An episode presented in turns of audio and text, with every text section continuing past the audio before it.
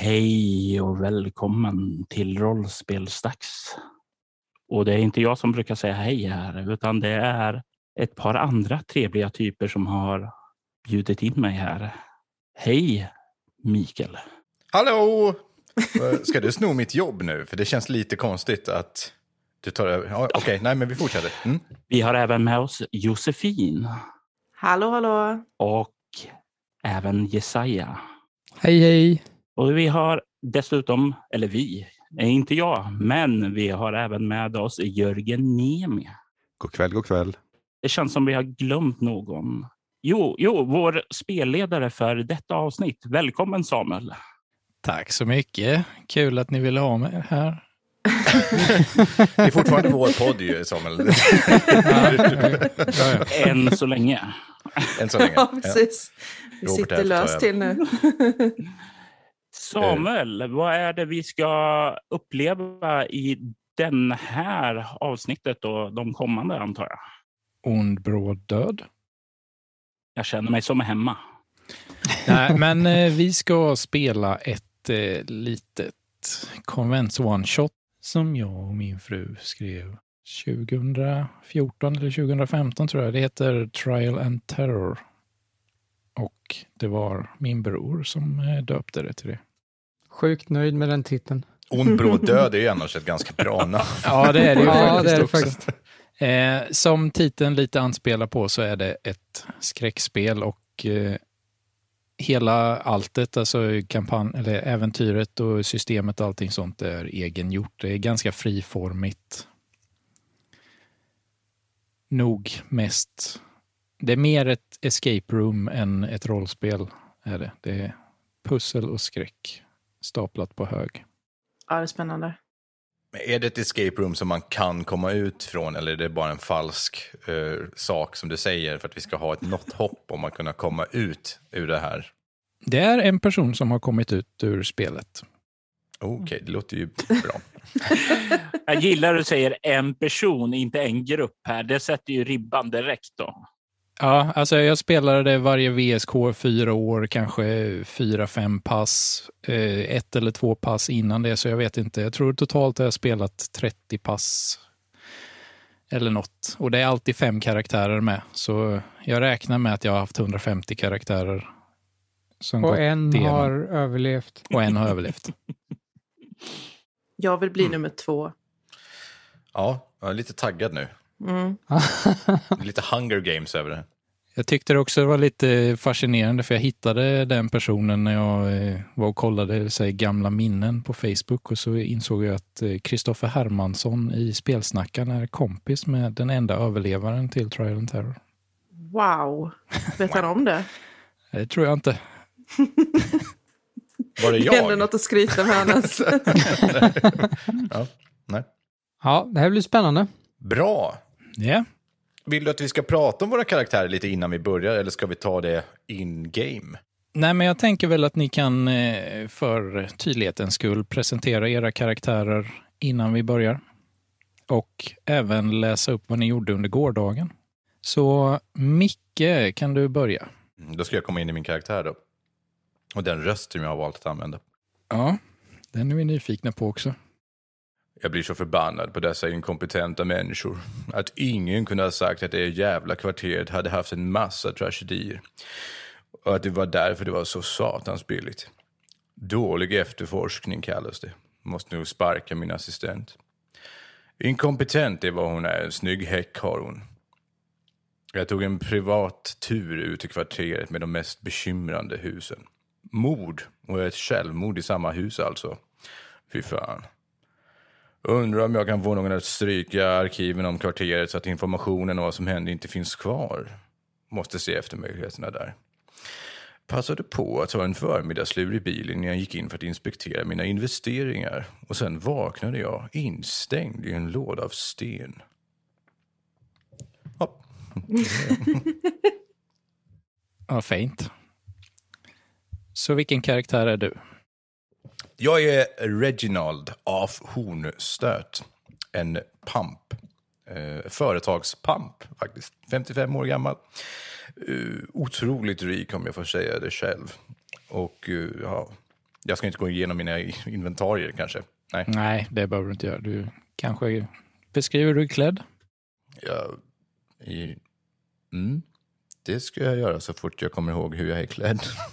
Men jag misstänker att det är någon fin kostym eller någonting kanske. Eh, rimligtvis. Kan väl tänka mig att eh, han eh, spenderar en krona eller 300 000 på en outfit. Ja, det står inte någonstans här tror jag. Nej, jag har mig. nog inte skrivit ut någon klädsel så det får du nog Jaha, hitta du, på du själv. tyckte att jag bara skulle hitta på det. Ja, det Så. trodde jag var underförstått. Ja, jag trodde det var underförstått att det stod i texten som du ville att jag skulle läsa upp. Nej, tyvärr. Ja, då lär vi oss. Ja, okej. Nej, men eh, han har ju någon sån här Armani-kostym, tänker jag. Eh, svindyr är den. Eh, med såna skjortslag, såna vid, vad heter det? När man har vid ärmarna så har man såna i guld och diamant. Manschettknappar. Manschettknappar är det, just det. Jag tog av mig mina inför inspelningen för att jag inte ska sitta och klacka i bordet. Är de också gjorda i guld och diamant? Nej. Nej, just det. Eh, så tyst på dig, borgarbracke. Eh, han har kanske inte lika fin frisyr som man brukar ha, men annars är det en sån här väldigt våt, platt backslick som han har lite snett bakåt, så att säga. Han har väldigt o...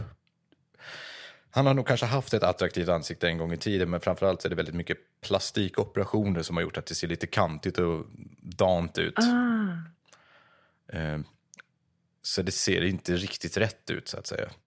Men det är ju så han ser ut när han ser bra ut, tänker jag. Liksom. Nu vet jag inte hur det är när vi börjar. Det ligger en stenlåda. Liksom. Ja, jag har inte legat där så länge så det är väl lite dammigt kostymen Ja. kanske. Kanske lite damm på kostymen. Reginald kanske blir lite upprörd av hans Armani-kostym då. Ja. Han lät annars väldigt lugn över att vakna i en stenlåda. Så att, ja, jag vet inte riktigt eh, vilken det energi händer. du vill att jag skulle ha. Han låter ju mer så här betänksam. Bara, sen vaknade jag och insåg en låda av sten igen. Som att det har liksom hänt förut. Jävla söndagar. Mm. Ja, nej, så att jag har nog kommit precis innan paniken. Är det, så här, nu verkar det som att jag har vaknat i en låda av sten. Och sen drar paniken igång. Ja, känner du dig nöjd? Mm. Absolut, jag tror inte att jag kan göra en tydligare bild. Jag är ett as. Nu kör vi. Då går vi vidare med Robert. The Duke rullade in i sin gamla hemstad på morgonen. Så många dåliga minnen. Så mycket skit. Vad fan gjorde The Duke här egentligen? Fan ta pappa, fan ta allt! När The Duke kom fram till platsen där han skulle träffa farsan så satt The Duke där säkert i en timme och funderade på att skita i detta. Men ilskan, den tog över. The Duke gick in och satte sig och väntade på honom. Timmarna på kaféet gick. Ilskan började gå över till trötthet. Farsan verkade ju inte komma trots allt så The Duke sket i allt det här. Så jävla bortkastad tid det här. The Duke åkte ur staden och parkerade i en glänta i skogen för att sova. Någon annanstans än inne i staden. Tänka fan inte sova i staden. The Duke och Håkan grillade lite kvällsmat och somnade sen. Vaknade nästa morgon av att Håkan slickade mig i ansiktet. Och The Duke var instängd i en jävla låda av sten, för helvete. The Duke är en ganska arg ung man som det inte har gått så mycket rätt för i livet. Han har väl två saker som han bryr sig om. Det är hans motorcykel och hans hund Håkan. En liten, eh, ja, ska man säga en sån här liten handväskepudel eh, som han har plockat upp under sin liv där som han bryr sig om. Men resten av eh, världen är inte så mycket som han tycker har behandlat honom väl. Han är klädd i ja, ett par slitna gamla jeans och läderjacka. Ser inte särskilt välvårdad ut. Ser eh, arg ut mest. Eh, I mitten av 20-årsåldern någonting. En arg ung rebell. Eller rebell kanske är och finmålade. En arg ung man bara som har ja, väv, vevat med armarna mot resten av omvärlden och eh, sitter väl fast där han är just nu. Både bokstavligt och metaforiskt. Ska vi gå vidare med Jesaja då? Yes. Gårdagen började som alla andra. Sprit, in till jobbet, ta hand om all skit som folk ställer till med. Någon hade rånat en mack, skjutit gisslan. Han hade knappt fått 3000 spänn för rånet. Fatta inte hur de gör det. Dagen tog slut sent, massor av pappersarbete. Måste ha somnat till vid skrivbordet av utmattning. Vaknade flera gånger, yr och förvirrad. Kände som om någon släpade mig. Fattade inte vad som hände. Han tog att jag drömde. Sen vaknade jag instängd i en låda av sten. Eddie Stensson heter eh, min karaktär, en förlegad polis. Lite för många år av alkoholmissbruk har gjort Eddie till en ganska tragisk karaktär. Han får jobbet gjort trots att livet är hårt. Lever i sitt eget mörker ganska mycket. Och andras mörker eftersom allting han får se om dagarna är mord och psykopater. Jag antar att han är klädd i en polisuniform. Inte särskilt vårdad polisuniform. Den har antagligen inte tvättats på flera veckor. En munter karaktär om man ska vara lite ironisk. du är nöjd där? Mycket nöjd. Då tar vi Jossan. Gårdagen var början på min andra vecka på LR och jag har inte riktigt kommit in i alla arbetsrutiner än. Eh, men min forskning går bra. Jag har dock en märklig känsla av att projektet är ett test. Det känns liksom lite för grundläggande för min kapacitet. Ja, ja under dagen så jag fick nys om någonting hemligt, något projekt som grabbarna på plan 4 håller på med. Något om något virus. Jag undrar varför inte jag fick vara med i det teamet. Det är väl det jag är anställd för, tänker jag. Eh, jag ringde mamma på eftermiddagen och sa att jag jobbar sent. Jag hade ändå inget bättre för mig så, ja, så slipper jag hennes hemska matlagning också. Jag kan inte flytta hemifrån snabbt nog. Jag tog en buss hem på natten sen efter att ha jobbat i 14 timmar. Jag var väl ganska trött. Jag kommer inte ens ihåg hur jag kom hem från hållplatsen. Eller gjorde jag det? För sen vaknade jag, fortfarande i labbrocken, instängd i en låda av sten. Och jag heter Arthur Fält. Jag är en nyexaminerad doktorand i bioteknik som jobbar på företaget Lilac Ram. Jag bor som sagt hemma hos mamma och pappa fortfarande för det finns, det finns liksom inga bra lägenheter. Så det är väl det mest praktiska. Jag är lite smartare än alla andra och eh, det är jag ganska duktig på att berätta för folk också. Du är iklädd din labbrock fortfarande? Ja, det gör jag. Jag har också en labbrock på mig med ett företagstecken, logga på sig. Ja, du har din eh, namnskylt eh, vid bröstet. Mm. Och sist men inte minst har vi Jörgen. Mm, jo, eh, jag hade inte så mycket att göra på jobbet igår. Inte för att det brukar hända så mycket på biblioteken då, men något kan ju alltid hända. Kommer du ihåg den stora råttinvasionen vi hade för tio år sedan? Den var hemsk. Väl hemma lagade Irene en fantastisk middag till mig som bra kock har världen nog aldrig skådat. På kvällen sen när vi skulle lägga oss gav hon mig ett brev och sa att jag skulle läsa det imorgon när jag var ensam. Mm. Så att det handlade om hennes tidigare liv, om barnet. Hon, jag log och kramade om henne. Men sen somnade vi i varandras famn. Och sen vaknade jag instängd i en låda av sten. Jag spelar eh, Todd Brevman, eh, bibliotekarie i eh, 50-årsåldern. En blyg, lugn och försynt man som eh, är ganska rädd för typ allt. Men eh, älskar alla människor i världen och vill aldrig någon illa. Är, ler ofta, nästan hela tiden, men är väldigt nervös och har lite olika ja, han, hans röst är lite eh, uh, stabil och han hummar och ömmar lite grann när han är nervös och ska finna ord. För att han är en bokmal som eh, älskar bra texter och uh, han vill egentligen också ha en bra stadig röst och kunna påverka världen, men så blev det inte riktigt. Och går klädd i sina signaturbruna manchesterbyxor och under det så har han ett linne, en skjorta och en eh, kofta över. Han har stålbågade glasögon och eh, ganska lite hår på huvudet som han har eh, kammat bakåt. Är det något mer ni vill veta om Todd Brevman? Nej, det var jättefint. Tycker lite synd om Todd nu bara för... Ja, det var det jag kände också. Har du hamnat här? Vad har stackars Todd gjort? Eller så är det bara en fasad. Ja. Vi måste skydda Todd. Då är alla presenterade. Känner sig alla redo för att dra igång. Ja. Ja, ja. nu kör vi. Ja, Då rullar vi intromusiken.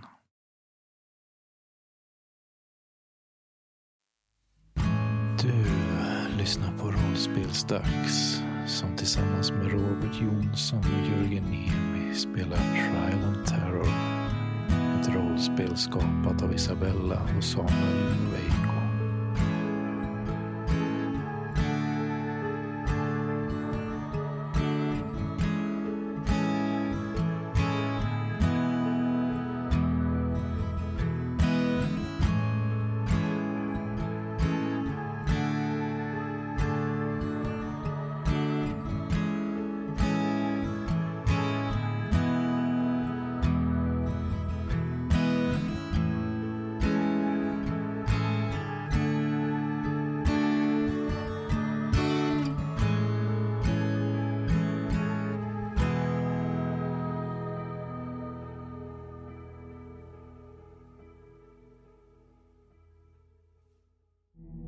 Vaknar, som sagt, totalt bäckmörker.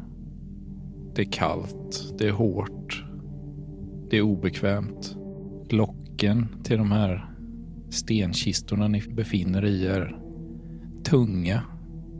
Men inte så tunga så att de inte går att rubba. Kanske att någon av er har svårt för det, men ni lyckas med varandras hjälp till slut ta er ut när ni har insett att ni inte är ensamma i det här rummet. Ni hör varandras frustade försök att öppna och till slut står ni där i ett mörkt och kallt rum och har precis klivit ut de kistor som står lutade mot väggen. Mitt i rummet står en stensarkofag.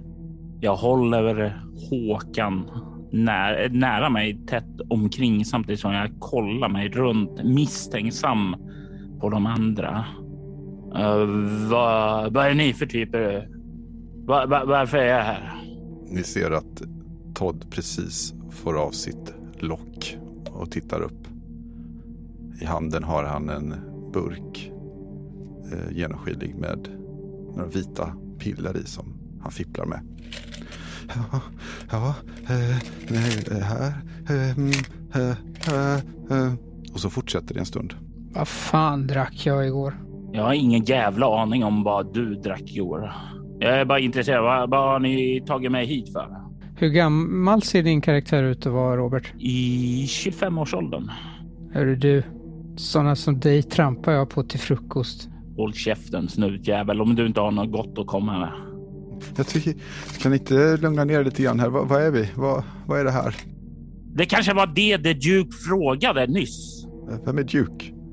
Eh, jag tittar mig omkring. Vem The Duke är? Det är jag som är The Duke. Men varför pratar du om dig själv i tredje person? Det, Varför sitter det- du där och eh, skallrar med dina piller? Ta dina Äh. piller så kanske du blir lugn. Jag skannar min blick över er tre och gör en snabb bedömning. Och så tittar jag på fjärde personen. Jag. Har du någon teori då? Reginald fick nog fruktansvärt mycket panik när han var instängd i den här stenen, eh, lådan, och tog sig snabbt upp och ut. Men i och med att det vart så mycket uppståndelse så kanske han, hans fokus tappar lite grann just på paniken när han väl kommit ut och, och andas lite i panik. Eh. eh Sen, det här, hela den här konversationen hinner ju utspela sig utan att han tar så mycket plats. Eh, ursäkta mig, vad, vad var det du sa?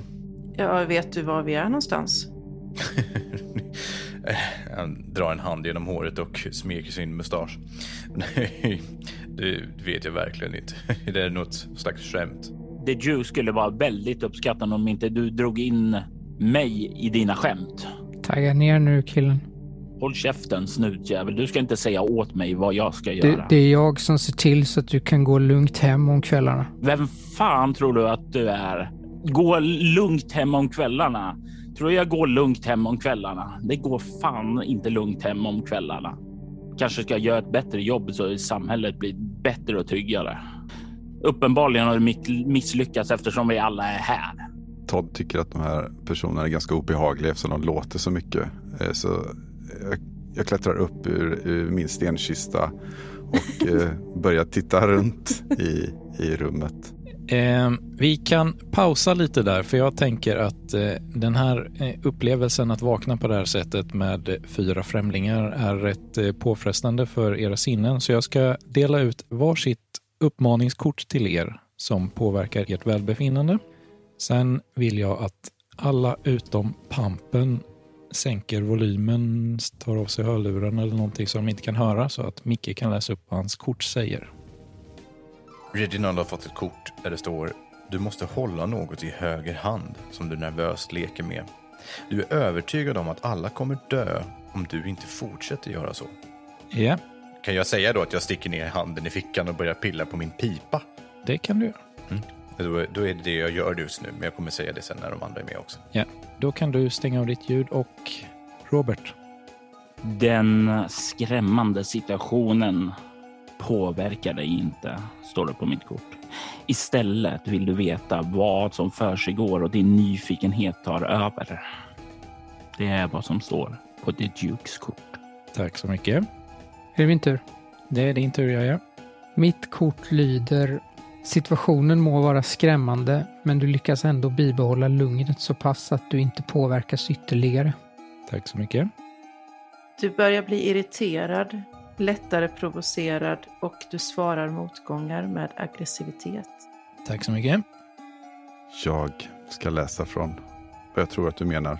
Du inser att inget vettigt kommer att bli gjort om de andra bestämmer.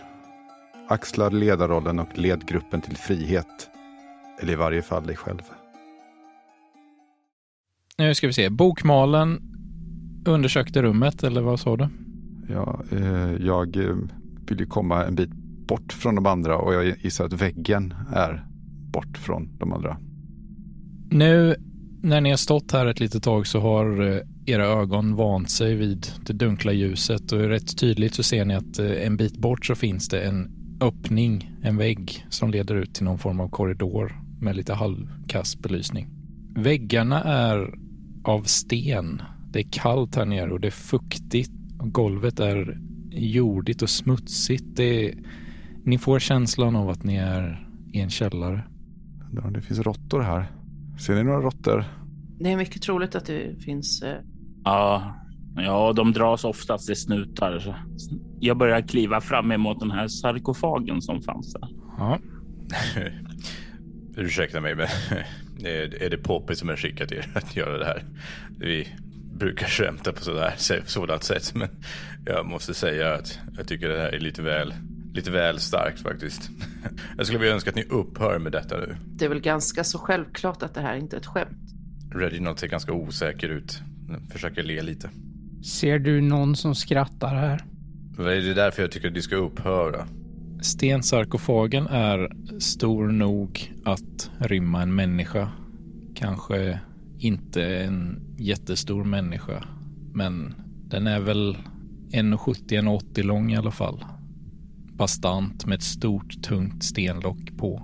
Men det är svårt att urskilja detaljer eller någonting där, men när det är så dunkelt. Drar du händerna över den Känner du på den? Undersöker du den noggrant? Nej, eftersom uh, The Duke håller i uh, sin uh, hund Håkan så tänker inte han riktigt släppa det. Han känns lite grann så här fortfarande lite disorienterad och vill inte riktigt släppa greppet om det som betyder honom. Vem vet vad de här typerna omkring honom kan göra med hans hund? Ehm, så han går lite och kollar runt där, men han känner inte på sarkofagen ännu. Todd eh, får något eh, nyfiket i blicken som det inte verkar vara farligt just nu. Och, eh, tar fram en, en läslampa han har i en av sina fickor. Eh, det påminner mig om, om eh, Tutankhamon. Ja, eller? Och så låter jag lampan svepa över sarkofagets lock. Det är någonting som klimmar till på locket när du gör det. Oh, så, så, såg du där? Såg du där? Eh, jag, jag Ja. pekar på där det glimmar och backar ett steg. Där, jag såg någonting också. Kliver fram med mitt... Eh, drar fram ett förstoringsglas ur labbrocken. Det sitter en metallskylt fastnitad i locket med någon form av tecken inristade på. Se, vad, står, vad står det där? Kan tecken, det är inte ett språk, skriftspråk vi känner till. Reginald stoppar in sin högerhand i sin ena ficka och börjar pilla på någonting. Duke har tagit ett steg fram och kollar. Han eh, börjar sakta och försiktigt sätta ner Håkan på golvet där. Börjar också bli lite mer nyfiken på de här tecknena och vill se dem lite bättre. Vi borde öppna den här. Det kanske finns en person till där. Ja, nu tar ni det lite lugnt här. Eh, jag tror inte att det är någonting som du kan förstå ändå, säger jag och tittar på Duke. Jag tittar däremot över till Todd och du nämnde någonting om eh, Tutankhamon och kanske har lite insikt i det här. Ja, jo, jag har ju läst en del böcker så jag ska se om jag kan dra mig till minnes. Jag, jag låter fingrarna eh, svepa över de här eh, bokstäverna eller tecknena och försöker lista ut vad det kan vara för någonting. Vad heter ni förresten? Jag heter E- Eddie. Jaha, säger jag helt fokuserad på skylten. Eh, mitt namn är Reginald av Hornstöt. Ni känner säkert mig. Jag rullar med ögonen bara och eh, säger The Duke sa jag ju tidigare. Hur är det med minnet? Eh, Det finns en överhängande chans att ni känner igen namnet Reginald av Hornstöt. Kanske inte rebellen bryr sig så mycket, men eh, ni andra kan mycket väl ha hört det. Det är lite som att känna igen Ingvar Kamprad. Jag tar ingen större notis om The Duke och bara den Reginald. Jag sträcker lite på mig. Ja, densamme. Det är jag. Är du polis? Ja, Jag skulle önska att du tar mig härifrån nu faktiskt. Släpp ut mig. Tittar uppfordrande på dig. Jag är här mot min egen vilja skulle jag vilja erkänna. det, det är jag också. Har du inte något gevär? Tjuta dig ut genom dörren. Gevär, ser du ut som han har, kan ha ett gevär på sig? Vet du ens hur ett gevär ser ut? Jo då. Jag har ett par stycken på min herrgård. Ja, och du tror att han får in det i den där lilla polisuniformen? Kanske tappat det. Ligger i sin kista. Ja, mirakel kan ju hända. Jag tittar lite smått över axeln på eh, Eddie för att se om det ligger någonting i hans stenfyrkant. Eh, nej, det var ju beklämmande. Mm. Nå, jag skulle belöna dig rikligt faktiskt om du skulle kunna ta mig härifrån, Eddie. Det skulle vara väldigt uppskattat från min sida. Vi ska försöka ta oss härifrån allihop. Ja, men det viktigaste är att jag tar mig härifrån. Snart dessutom. Ska vi öppna den här kistan eller inte? Ni har sett att Todd har stått med sin läslampa och Jag står bredvid och är alldeles inne i det här också. Jag har inte hört ett ord ni har sagt. ja, om man tittar på strukturen här på, på tecknena. Jag pratar ju med dig då eftersom du eh, verkar ju vara eh, intelligent. Ja, detsamma. Tack. Eh, eh, det, sk- det skulle kunna vara ett, ett, eh, bokstäver e- ersatta med eh, andra tecken. Det är repetition här på, på, på slutet. Och, eller kan det vara en rebus? Eller en blandning av runor och... Ja, eh, jag backar och öppnar eh, en burk med eh, vita piller och knaprar i mig några stycken. Det är svårt att... Är det varmt här inne? Va? Det, det är varmt. Jaha, du är en sån där knarkare då? Ja, det var ju en besvikelse. Nej, det, nej, nej, det är för mina nerver. Jag, jag har lite klen, klena nerver. Nej, det är som ett sånt där sudoku. Jag går och tittar lite. Så, ja. Okej. Ska vi ta och öppna kistlocket då eller? Eh, om ni har kollat klart på den här skylten då. Eddie står redo. Jag kliver fram då och börjar ta tag i locket då. På andra sidan från snutjäveln.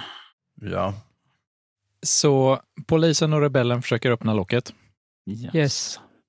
Er gemensamma styrka är tillräckligt för att rubba locket någon centimeter. Det är så oerhört tungt att tillsammans klarar ni knappt av att skjuta upp det. det. Ni känner att det är löst, ni känner att det går att röra på det och öppna det, men det är för mycket för bara två personer. Förlåt, men fanns det inte en dörr här? Jo. Eh, Nu får det vara färdigt med det här tramset, säger jag. Ni kan leka med det här locket, men jag tänker gå härifrån nu. Det kan finnas fler personer här än oss. Ja, vi måste... Hjälp Det vore ju himla trist för dem, säger jag. Och sen så går jag uppför trapporna till dörren. Det kan också vara ett svar på eh, varför vi, varför, varför vi vaknade här. Ja, jag struntar i vad ni säger. Jag går till dörren. Jag, jag viskar till Arthur. Är, är det samma Reginald, Reginald som, som, som rev barnhemmet för att bygga ett köpcenter? Är det, är det den Reginald? Vem? Vem, är, det- vem, är- vem var Den, Reginald, sa den, du? den där gubben där. Han, Asså? Jaha. ja, han verkar vara en eh, o- otrevlig typ, ja. Jo. Nej. Ja, jo, men jo, det kanske han var. Jo. Men eh, fokus nu. Du kan inte stå Ja. här och skvallra. Titta nu Nej. på den här. Nej. Kan ni komma hit och hjälpa till istället istället för att stå Ja, där ja. och pladdra? Ja, men ni Ja, kanske visst. duger bättre till muskelstyrka uppenbarligen. Men vi, vi står här och funderar så... Ja, men ni kan fundera medan ni lyfter här. Shh, shh, shh. Ja, bra jobbat tredje person. Ja, ska, ska vi kn- knuff, ska vi knuffa? Du, här. Hjälp till nu. Ta- Todd går fram och försöker använda sina muskler. Todd går fram och hjälper till. Vill forskaren hjälpa till eller är forskaren för fin för kroppsarbete? Alltså kroppsarbete är ingenting för Arthur. Nej. Det är viktigare att lösa den här koden. Ni börjar bli rätt slutkörda, rebellen och polisen. Och eh, ärligt talat, den där boknörden verkar inte hjälpa till så himla mycket. Och det gör ju knappast saken bättre av att det står en jävla forskare med förstoringsglas och glor på locket. Så ni lyckas inte rubba den någonting mer nu och ni känner att ni är helt slut i armarna efter att ha försökt. Så ni kommer behöva vila ifall ni ska försöka en gång till sen. Eh, The Duke tar ett steg tillbaka och eh, skakar lite så här på armarna och pustar ut och mumlar någonting. Ja, det är fan då att det enda som kan tänka sig att hjälpa till är snutjäveln. Det är fan helt otroligt. Jag, jag, jag gjorde mitt bästa. Det är inte alla som har... Vissa har, har huvudet, andra har eh, händer. Tack tror jag. Pampen, du kommer ut i korridoren. Ja, vad bra. Ganska snabbt så eh, viker den av en väg åt höger och en väg åt vänster. Och när du kollar nerför korridoren så ser du att åt vänster håll så ser det lite mer upplyst ut än åt höger. Mm. Det låter skönt. Jag går till där det är upplyst då. Ja, Det ska väl väl inte vara så svårt. De får leka med det där, tänker jag för mig själv. Jag ska ut. Jag har faktiskt viktigare saker för mig än att hålla på och ta reda på vad kistor innehåller och inte. Mm. vad gör ni andra? Jag plockar upp Håkan igen och lutar mig mot eh, min inom citationstecken kista och återhämtar mig lite, tar och andas lugnt och försöker slappna av lite. Vet, eh, vet inte riktigt annars vad jag ska göra, så jag tar och avvaktar lite och kollar på hur resten av rummet reagerar. Den här kistan som vi försökt öppna eh, kan ju inte vara av samma modell som de vi legat i själva. Nej, den ser annorlunda ut. Antagligen ligger inte någon person här. Den här är alldeles för tung för att rubba. Ska vi försöka ta oss ut vi också? Ja, vad, vad, vad, vad tycker du, du Arthur? Eh, Va? Ehm, jo, eh, det är lysande. Jättebra. Arthur har precis antecknat ner texten i sitt anteckningsblock. Jo, men det gör vi. vi den där barnhemsmördaren måste ju... Vi, vi följer efter här så att vi kommer härifrån någon gång. Det, det finns en lösning på det. Eller? Va? Ja, eh, det, det låter bra. Eh, ni, ska, ska, ni, ska ni vara kvar här? Titta på Duke. Nej, jag tänker inte stanna kvar här. Eh, om ni drar så gör vi väl det också. Någonting säger mig att ja, det finns något där i kistan som är värt att finna, men eh, det, det är lite för mycket eh, för att vi ska få ut det uppenbarligen. Alla är inte beredda att göra någonting och kabla upp ärmarna uppenbarligen. Jag tar Håkan i min famn och börjar gå ut ur rummet. Jag tror inte jag uppfattade den dissen, så... Ja, Kom konstapeln. ska- säger Eddie och eh, går ut också. Ja, eh, ja vänta, vänta på mig. Eh, mm. Ni går ut och följer efter Pampen. Pampen kommer in i det här rummet först, men de andra är inte långt efter så det, det dröjer inte många sekunder innan ni också får se det Pampen ser. Men Pampen, du kommer in i ett stort rum. I mitten av rummet står ett operationsbord med tjocka läderspännen för händer och fötter vid sidan. Bordet är blodigt och på bordet ligger fortfarande fastspänt ett sargat uttorkat barnlik. En nallebjörn hänger vid sidan. Bredvid det här bordet så står det ett mindre bord som det ligger diverse instrument på som används vid medicinska operationer. Någon skalpell, lite tänger och sånt liknande. Där står också två glasbehållare med någon form av grön trögflytande vätska i och en svart mapp. Under bordet ser du att det står en behållare av något slag med ett munstycke i en slang. I det högra hörnet längst bort från där du står, står två stora glasbehållare, säkert en och en halv meter höga, fyllda med liknande grön vätska som behållarna på bordet. Och precis bredvid där du står så finns ett skåp av något slag som ser ut som ett klädskåp. Vid vänstra väggen finns en dörr. Mm. Jag tror nog att eh, Reginald fortfarande är i ganska mycket förnekelse till hela den här situationen. Och försöker liksom hitta efter, greppa någon form av logisk, inte så läskig lösning på det här. Ett svar. Så att han tänker nog att det här är säkert något sånt här escape room där allting är gjort för att man ska liksom försöka klura ut. Det är lite gåtor här och där, det är någon kista där. Och, ja, hans kompisar har ju gjort en del sjuka saker på svensexor och sånt där. Men det här är ändå rätt magstarkt liksom. Så att en del av honom är så här, ja men det här är ju inte på riktigt. Det kan det ju inte vara. Så han går nog fram till det här äh, barnliket och skalpellen. Och plockar upp skalpellen och petar lite grann i den här barnköttet liksom. Bara för att ko- konstatera att det här är ju sån här gummi som ska se mänskligt ut liksom.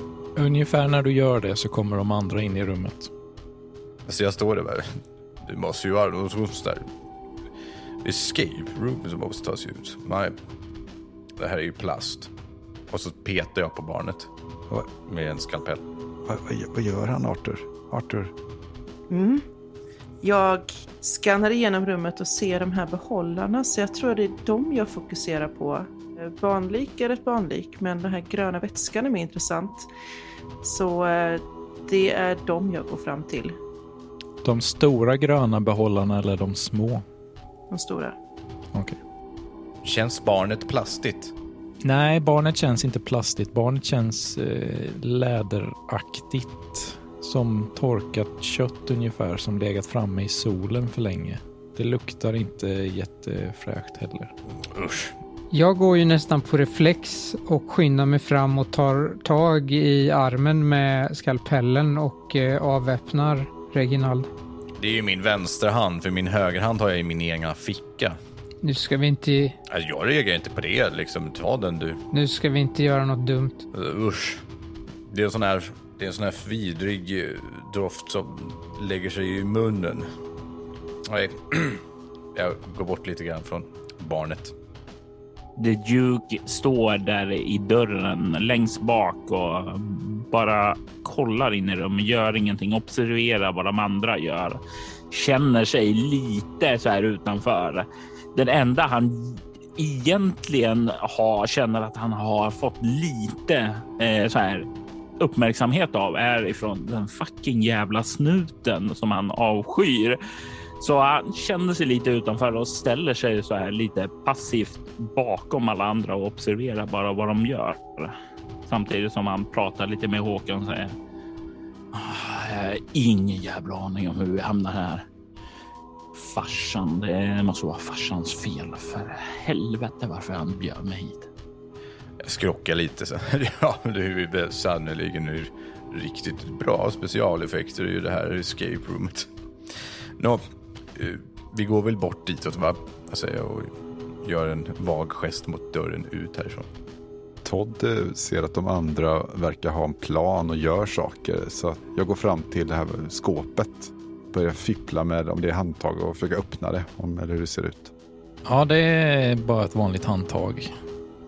I skåpet hänger ett par vita rockar, en hazmatdräkt och lite operationsscrubs.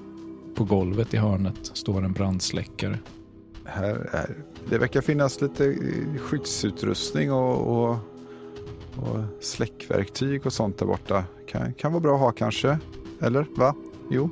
Det du kollar bort dit, den här rockarna, det ser inte ut som samma rock som uh, den goda forskarens uh, rock ser ut att vara. Alltså, det är vita labbrockar. De ser väl likadana ut allihopa liksom. Mm. Det är svårt att se någon skillnad på dem. Ingen logga? Nej, det sitter inga loggor på dem. De är helt rena och inga namnskyltar eller någonting. Yes. Jag tänker att som polis, van vid mordutredningar, så måste jag ha sett rätt många döda människor och ha utbildning i att dra lite slutsatser på en mordplats. Ja.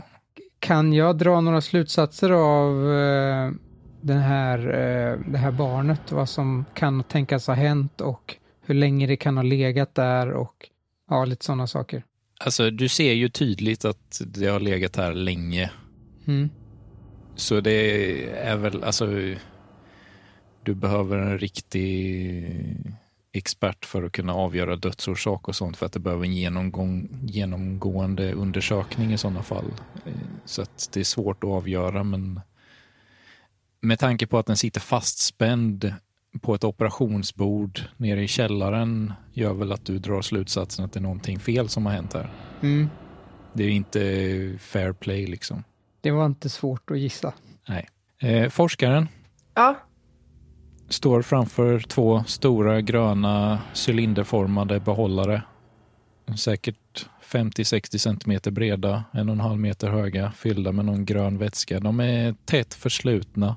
Ser inte riktigt ut som att det finns någon öppning på dem någonstans eller på något sätt som att man kan tappa ut det. inga rör och så då? Eh, nej. Svårt att säga exakt vad de har använts till, men eh, någon form av förvaring uppskattar du till. Jag eh, kommer ihåg att det fanns eh, mindre behållare bredvid den döde. Det stämmer bra. Jag, jag traskar bort dit och tar upp en flaska och tittar på den. Då ser jag att det ligger en mapp på bordet under där. Det stämmer bra. Så jag plockar upp den och tittar i den. Du plockar upp och tittar på den. Ska vi kolla på den här allihop eller ska bara Jossan kolla på den här? Eh, just nu så är det ju bara forskaren som plockar upp och tittar på den tekniskt sett. Men om ni är i närheten och vill eh, snika en glans så kan ni ju göra det om ni vill. Jag börjar röra mig inåt i rummet för att göra det. Nej, jag tittar lite irriterat. Nej men hörni, ska vi inte bara fortsätta nu och gå vidare? Jag menar, det här rekvisitarummet kan vi nog strunta i faktiskt. Jag läser första sidan på det här pappret och eh, lägger ihop mappen lite snabbt. Ja, jo men eh, det tycker jag. Vi borde gå vidare eh, nu. Det var bara rebellen som sa att han ville glo, eller hur? Ja, sa det ja. Men av den reaktionen så vill ju jag det också. Vad stod det egentligen? Innan forskaren hinner smälla igen mappen så hinner rebellen notera en detalj från den här mappen. Yeah. Du hinner inte läsa några ord. Du hinner bara se när den slängs ihop Logotypen. hur logotypen på framsidan av rapporten, en lila get. Jag tror jag tar och eh, försöker snappa fram mappen ur eh, forskarens hand. Försöker du göra det snabbt, aggressivt? Ja, direkt. Eh, när jag ser det där, då är det bara snabbt att dra åt sig den. Inte särskilt finkänsligt. Men vad gör du ditt lilla kryp? Du kan väl inte läsa ändå? Jag försöker dra Nej, tillbaka. men jag kan se bilderna här, säger jag. Och sen pekar jag på din logotyp där. Eh, din eh, logga finns i den här rapporten. Jag är inte blind. Kanske inte har någon fancy jävla utbildning. Kanske inte livet gav mig, men jag kan se att du försöker dölja någonting här. Nu ty- tycker jag vi alla tar och, och lugnar ner, ner oss. Det, vi, det, det, det, är väl, det är väl rådigt att vi alla tittar på rapporterna Arthur. Det kanske finns information vi kan hjälpas åt att lista ut. Jag slår upp den där och kollar bara på första sidan då. Jag tror det är nog bättre att du ger den där till Todd. Progenitor-virus i patient nummer ett. Jossan, Ja. du ska få ett uppmaningskort nu. För jag misstänker att din eh, karaktär precis eh, misstänker att eh, företaget du jobbar på är på något sätt inblandad i det här. Jag börjar misstänka det.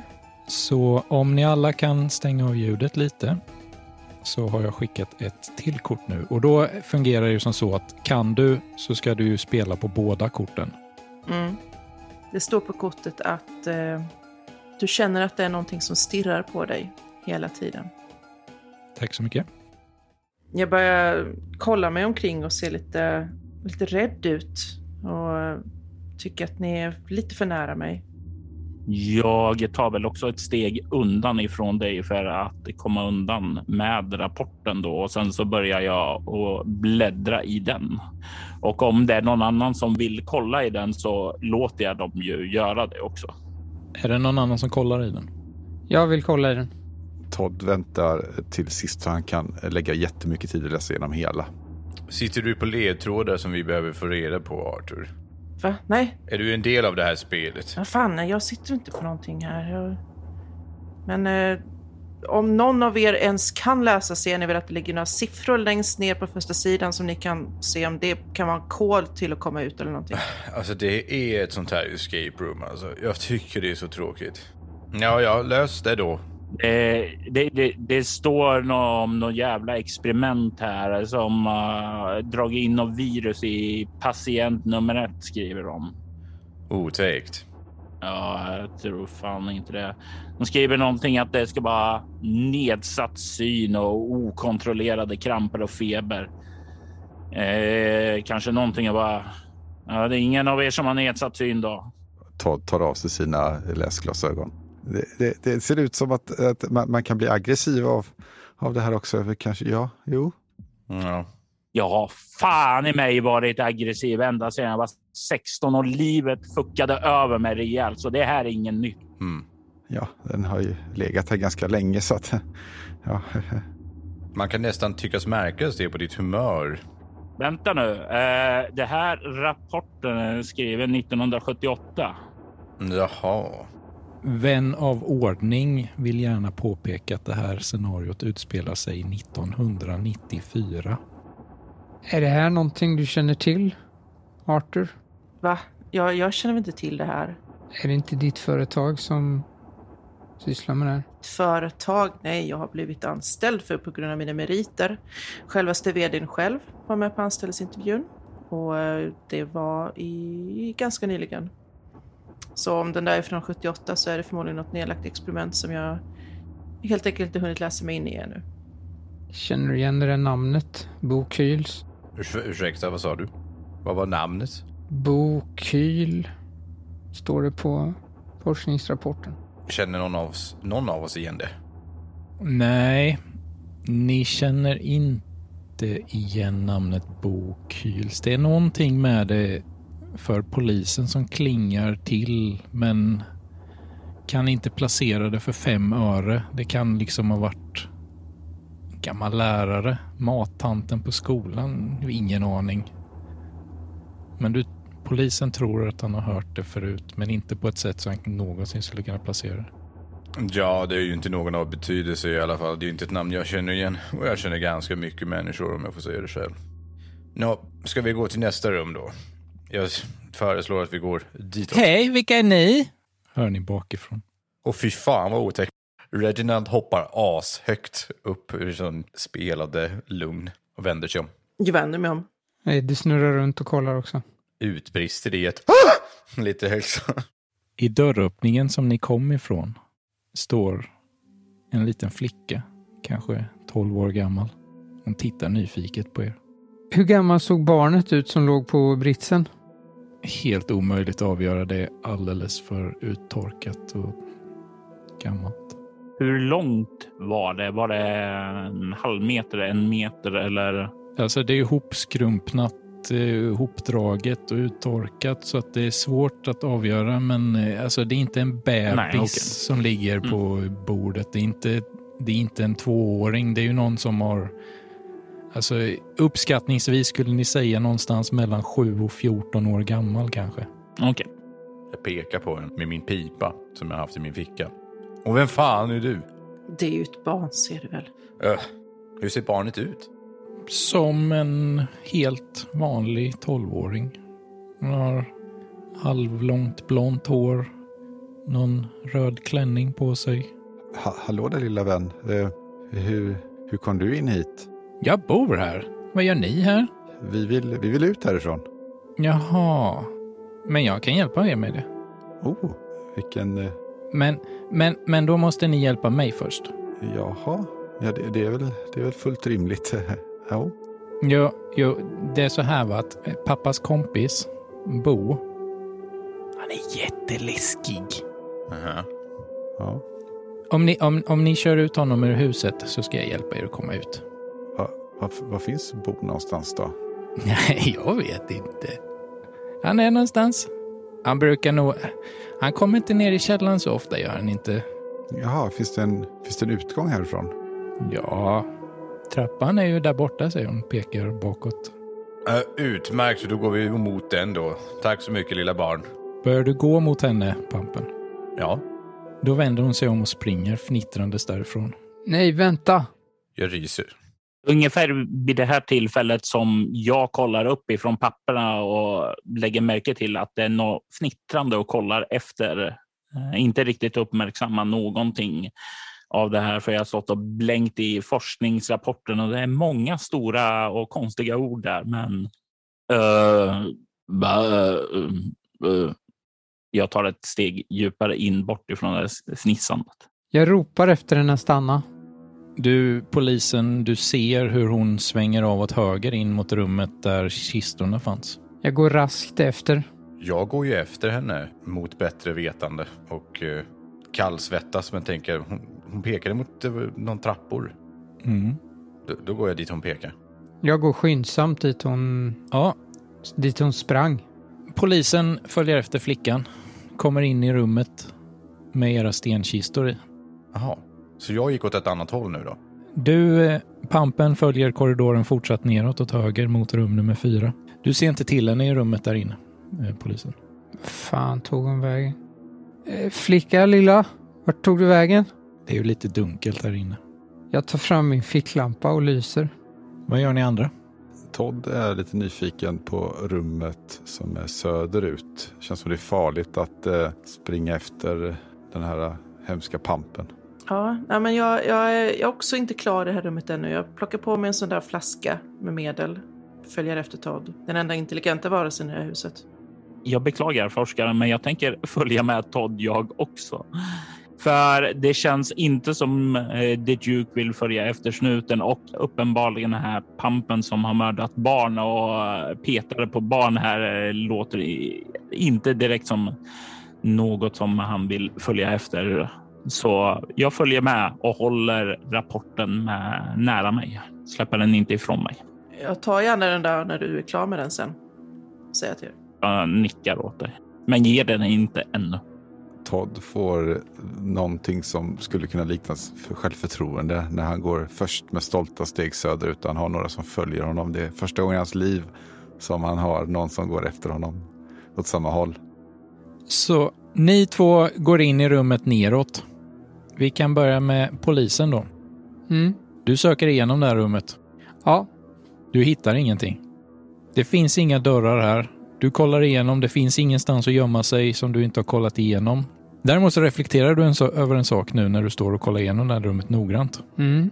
Det är sex kistor plus sarkofagen i mitten. Alla sex är öppna.